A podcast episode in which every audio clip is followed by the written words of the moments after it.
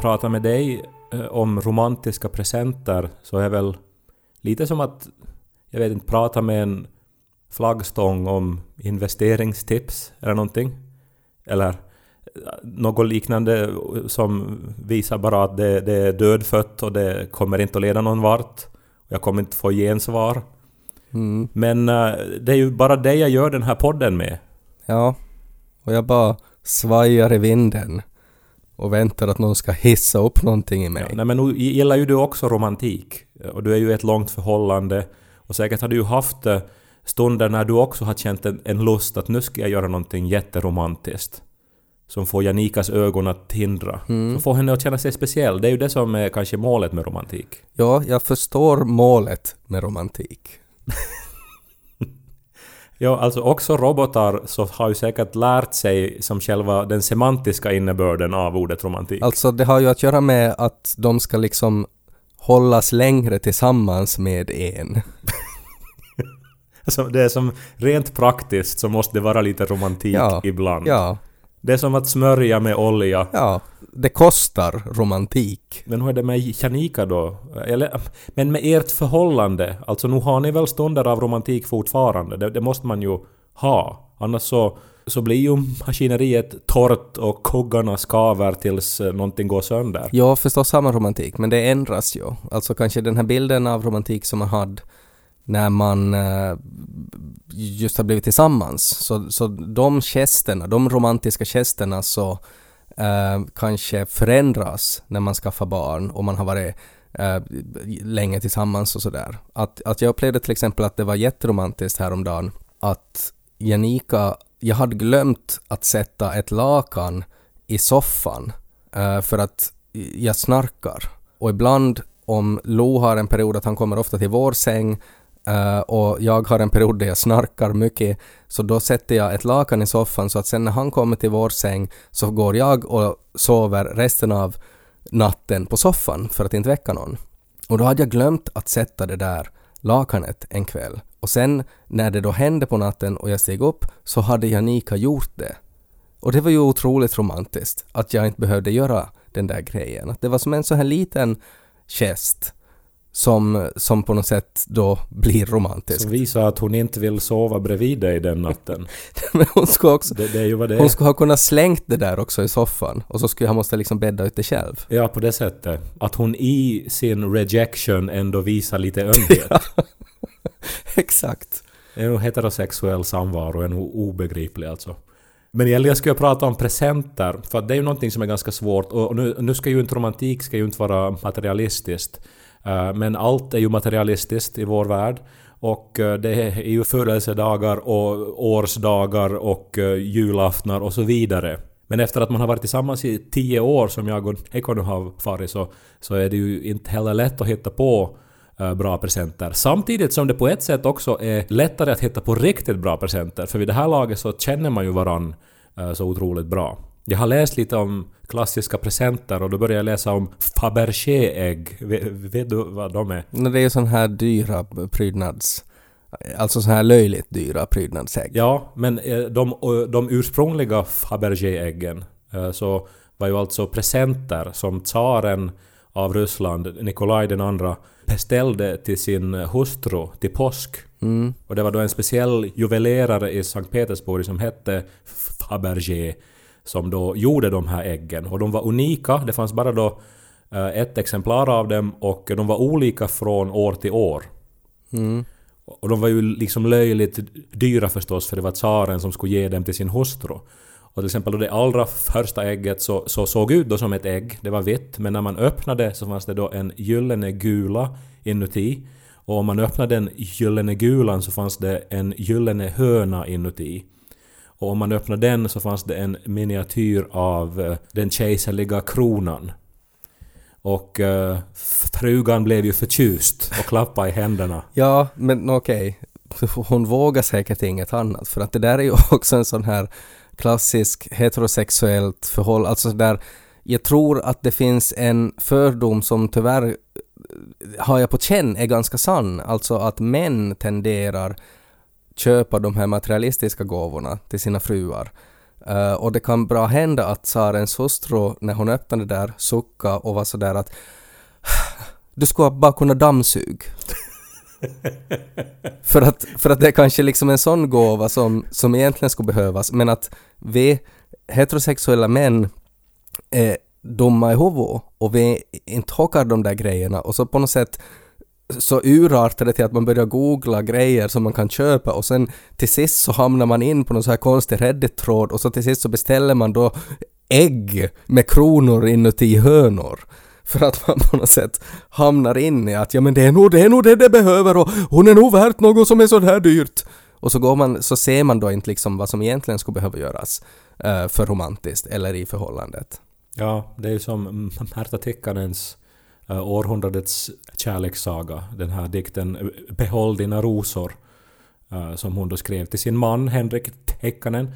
Och nu minns jag inte exakt, jag ska inte försöka citera den, men det är ju typ att behåll dina rosor, ta ut skräpet istället eller något sånt här. Nej men exakt, jag, jag, det, det, så är det ju. Ja, men nu hade de ju säkert... Ju snabbare man som man märker och inser det där, Uh, och för mig har det ju tagit många, många år och, och det är fortfarande är det sådär 50-50 att om jag hockar det, att, att jag, det är liksom varannan gång så beställer jag ägg från Frankrike för att jag på något sätt glömmer bort hur man ska tänka för att det kommer inte naturligt för mig. Uh, men det, det är som ett tips nog att, att liksom behåll rosorna, dammsug istället. Men samtidigt så är det ju den här, alltså de här osäkra männen med sin missriktade romantik som genom åren ändå har gjort att vi typ har pyramider och sånt också. Och kanske som är du stora byggnader och mästerverk. För att de just har alltså tänkt mm. fel. Mm. Att istället, alltså de borde ha dammsugat. Men de byggde en triumfbåge istället. Och sen så får ju resten av världen ändå njuta ja, av det. att man liksom börjar då att, att, att liksom Kleopatra var fittig och så är man sådär att Åh, oh, men ska jag bygga någonting då i sanden? Och så bygger de då någon sorts kub eller någonting och så kommer hon dit och är bara sådär att ja, no, du ska, det är ju inte dammsuget, men hon säger det inte utan hon bara stirrar och så måste den här mannen då tolka det där. Ja, nej, det var säkert fel form. Jag ska säkert få ha en pyramid istället! Och så bygger hon det och så kommer Kleopatra dit, fortfarande fittig.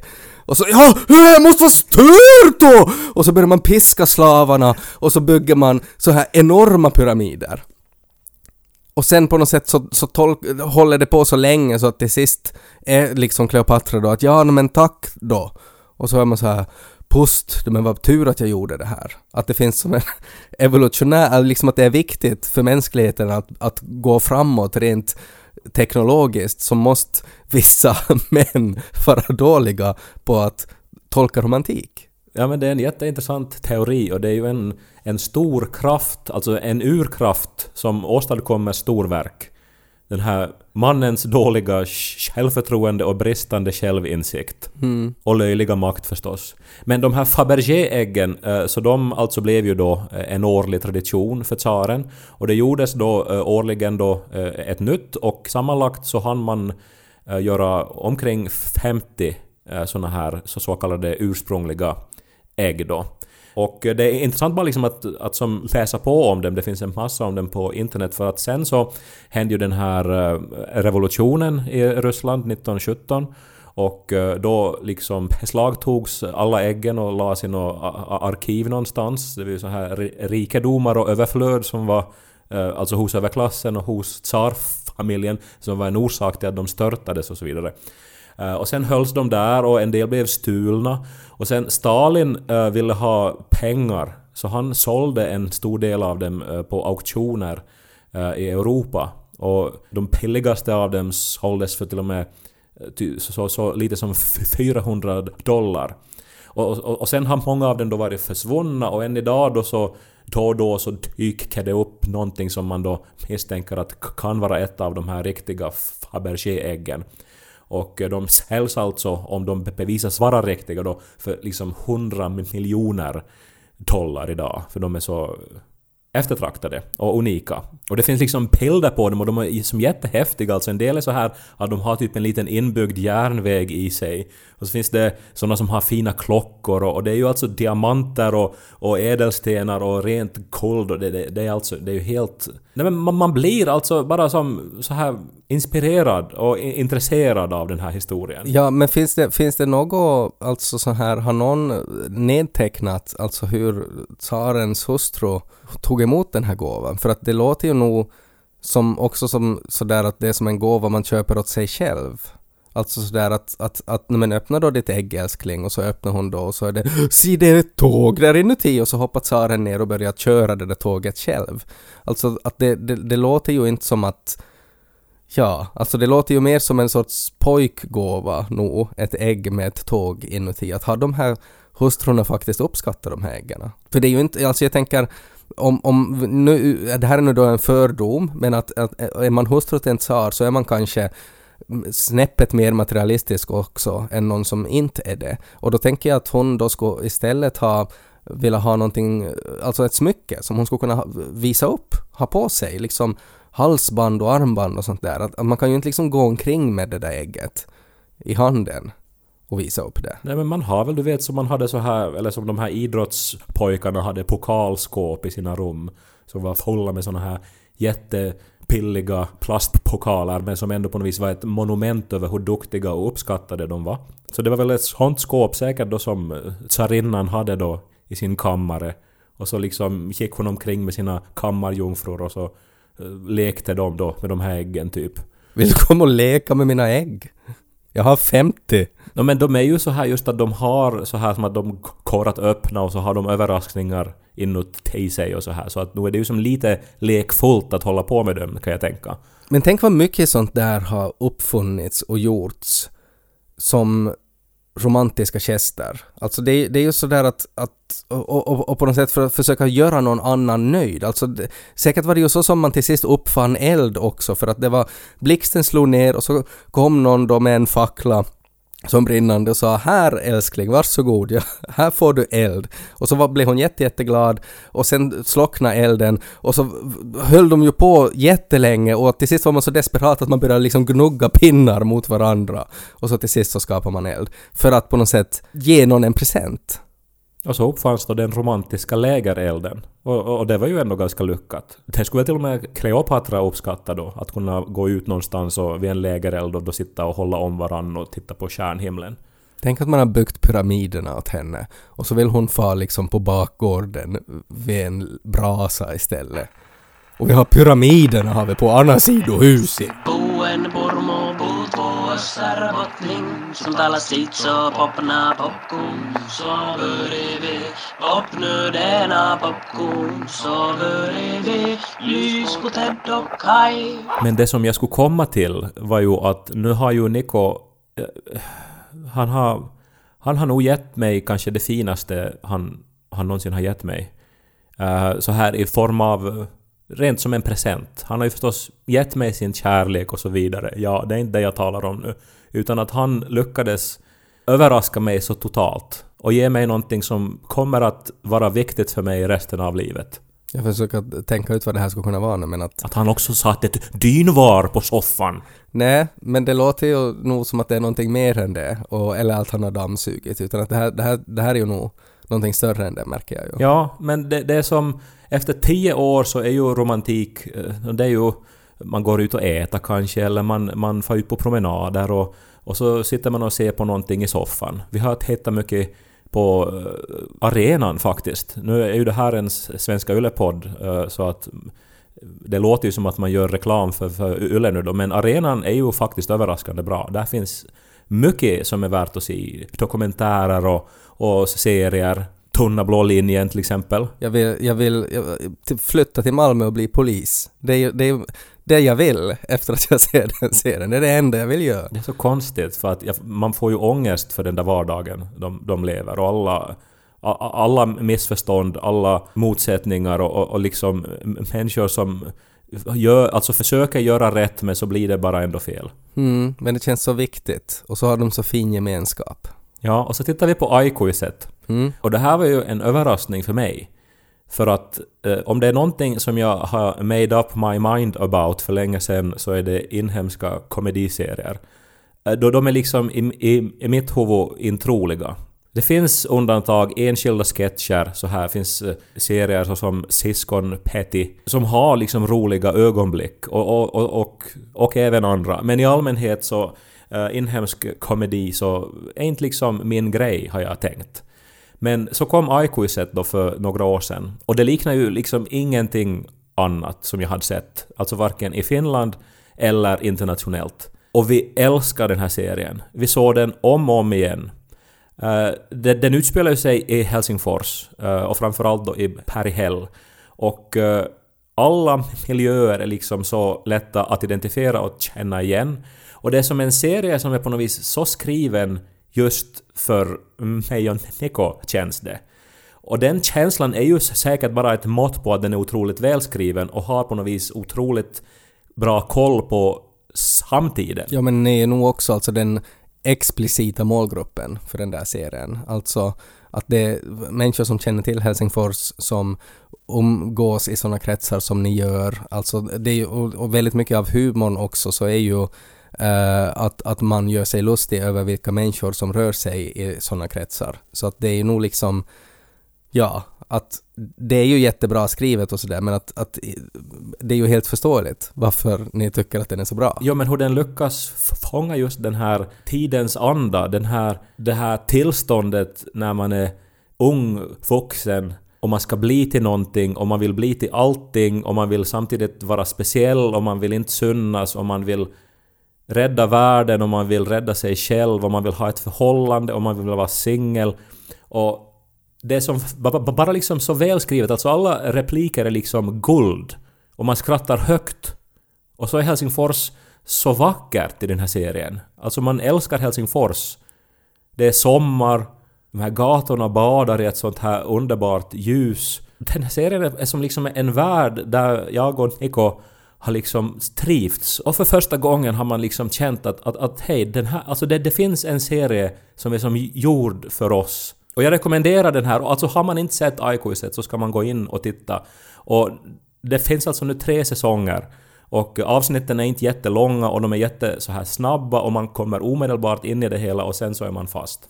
Jag tycker det som är intressant med den, alltså jag tycker ju också att den är jättebra. Och, och, och det som är för mig kul med den där serien är ju att, att just att när man ser oftast på en serie, som till exempel Tunna blå linjen, så då växer ju en sån här känsla av att jag vill flytta till Malmö och bli polis. Men när man ser på Aikuiset så växte in känslan av att åh, jag vill bo i Helsingfors för där är så fint och så konstaterar man ja men jag gör ju det! Och så blir det på något sätt en sån här rolig känsla av att tänk att någon kunde liksom lyfta fram det här som man redan befinner sig i. Och det, det är ju unikt. Ja, du lägger fingret på det där hemskt bra. Och sen eh, är jag så fascinerad av att det faktiskt finns då en inhemsk serie som ger mig likadana kickar som jag har fått av andra favoritserier genom tiderna. Alltså det här håller liksom helt klass med sån här, som internationell komedi och med liksom... Eh, alltså manuset är liksom så, så väl skrivet, det är så väl regisserat, det är jättebra skådisar. Att någonting på YLE kan vara i klass med det bästa på HBO och Netflix så tycker jag är alldeles otroligt. Ja, det håller jag med om. Nå, vet du vad Nico gjorde?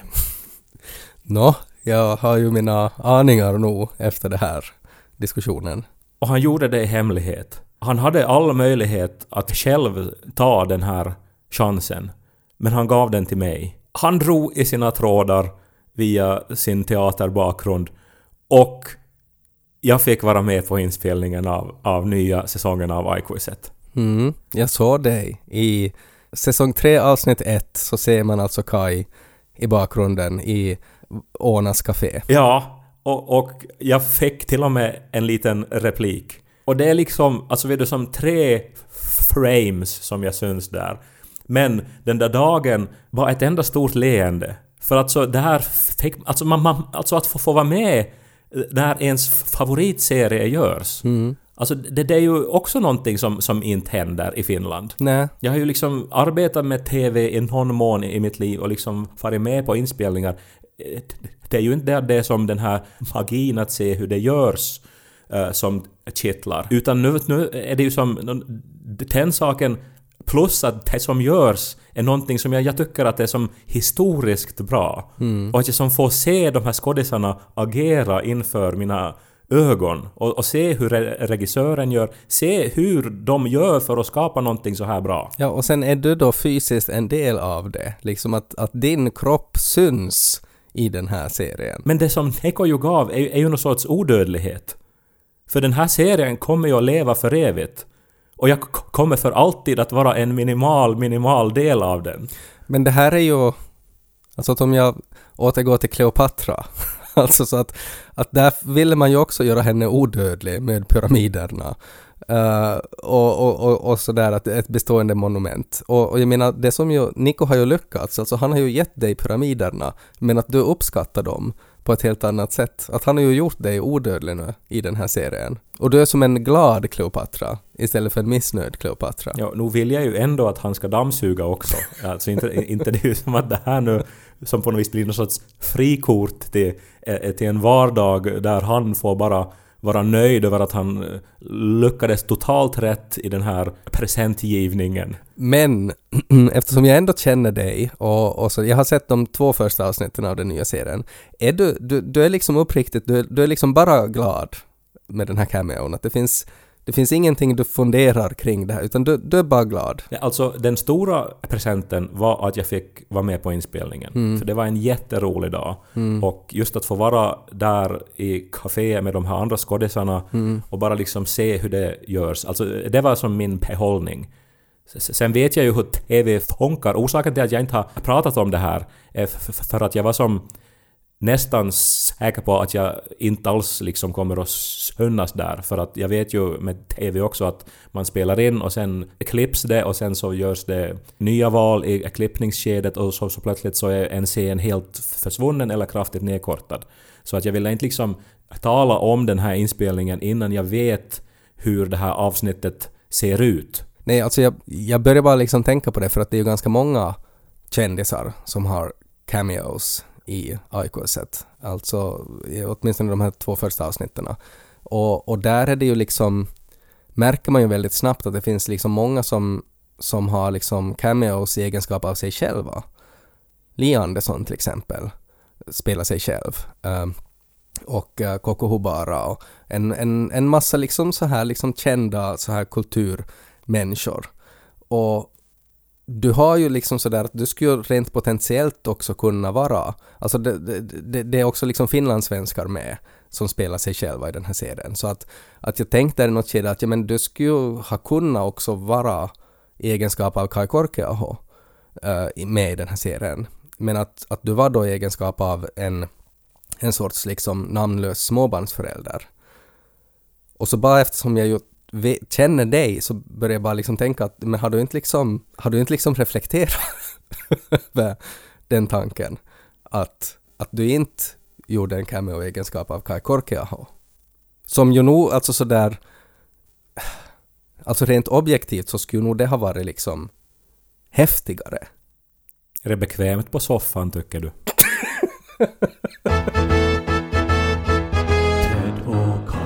Du har ju då många gånger konstaterat att jag är en robot. Um, och det som är bra med robotar är ju att man kan så här se mönster och så här hitta de här algoritmerna som förklarar då, alltså det här det som ligger under vissa beteenden, att varför gjorde någon så här? Och så kan man säga ah, men det var för att det var det där och det där. Jag är ju också, eh, bara att om jag får säga, för du har helt rätt att jag har ju många gånger anklagat dig för det, men jag har ju också en rädsla för när den här singulariteten inträffar.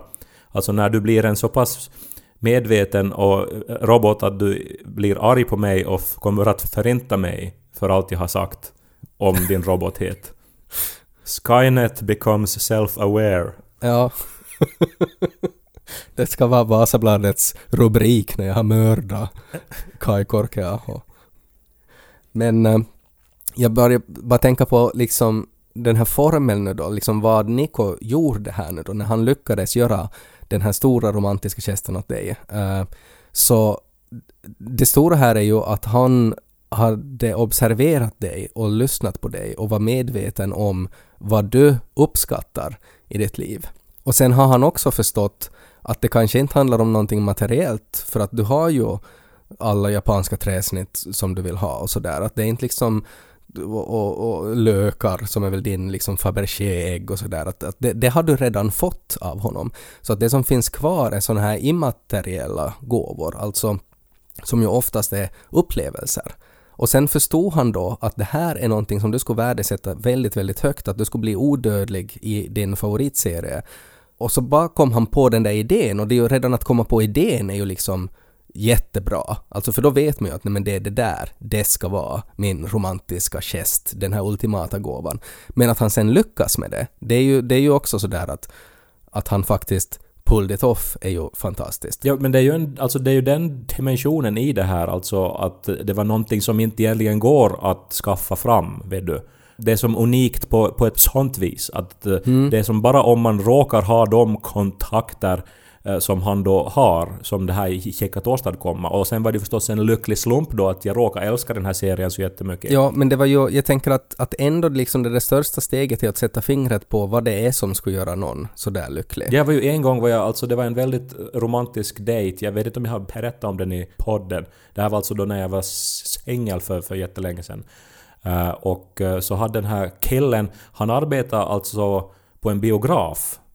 Och sen hade han ordnat så att alltså en, en egen piovisning åt oss. Så att vi liksom for dit och jag fick följa film, jag fick lägga filmrullen, det var en sån här gammaldags projektor. Ja, och, och det var ju som också en grej som, som inte går att så att säga köpa.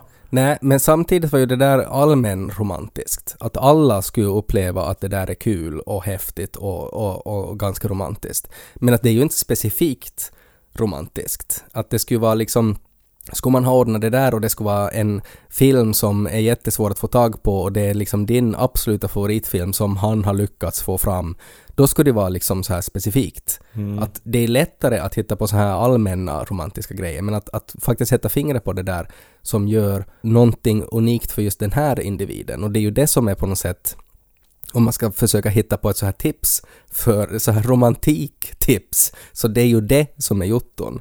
Alltså att man kan kanske börja med allmän romantiska grejer men att man sen lyckas liksom dra ner det på individnivå. Men vad är det som faktiskt den här människan som jag älskar, vad är det som hen skulle uppskatta? Och sen kommer man på den idén. För då kan det hända att man landar i att om man bäddar en soffa, att just nu i det här ögonblicket så är det det som skulle behövas. För det är kanske det andra. Sen när du har identifierat det här skulle vara grejen så är liksom följdfrågan då okej, okay, är det här grejen just nu eller finns det någonting annat som måste prioriteras. Alltså för man måste också beakta miljön. Och om du lever i ett, i ett, liksom ett shitigt helvete så då kan det hända att även om det där är otroligt romantiskt så är det dammsugningen som är liksom på första plats ändå. Och då borde du först dammsuga och sen ge gåvan. Så här tänker en robot. en robot som tydligen har blivit programmerad av uh, tio år av heterosexuellt samliv också. Ja, förstås. För dina instinkter är ju ändå att bygga en pyramid, tror jag. Ja, så är, så är det ju. Alltså det, men att, att, att det, det man ju lär sig med erfarenhet är ju att stå emot de här instinkterna. Nu, ibland får man ju en instinkt att man vill liksom plocka upp en sten och slänga det i fejset på någon, men att man måste ju liksom förhindra sådana instinkter. Jag försöker bara komma med så här allmänna tips för jag vet att det är så många som lyssnar på den här podden som tänker att åh ja men vad skulle jag, vad skulle jag kunna göra nu för motsvarande och jag vet hur svårt det är att fixa en cameo i en serie. Så därför så tänker jag att jag öppnar upp den här processen eh, så att man, det, det, ska liksom sätta igång sådana tankar för, för andra människor som kan liksom börja börja, så att man inte, så att man bygger mindre pyramider helt enkelt. Jag försöker hjälpa mina heterosexuella bröder här nu att vara romantiska. För två år sedan så var det ju en livlig diskussion om hur romantiskt det var att spela in en serenad till sin älskade och eh, publicera den på Instagram. Och eh, det, det, var ju ett eh, sorgligt ögonblick för heterosexualiteten när det visade sig hur totalt verklighetsfrånvända alla män var från vad, vad kvinnor egentligen ville ha. Det här bevisades ju i flera avsnitt när vi eh, via undersökningar då kollade hur folk reagerar. Mm. Och det är ju hemskt att ingenting har tydligen hänt på två år. Att idén om romantik, instinkterna för hur man gör någonting romantiskt inte ännu riktigt då har mötts då mellan könen. Så än en gång får jag då rekommendera homosexualitet till alla lyssnare, åtminstone så här vid sidan om. uh, ert heterosexuella liv, så har ni någon sorts affär med någon av samma kön. Jag tror att det, det, det, det kan nog inte vara någonting annat än hälsosamt och bra. Alltså det är spännande. Hur jag än försöker så är det ändå typ var tredje podd så, så landar vi här.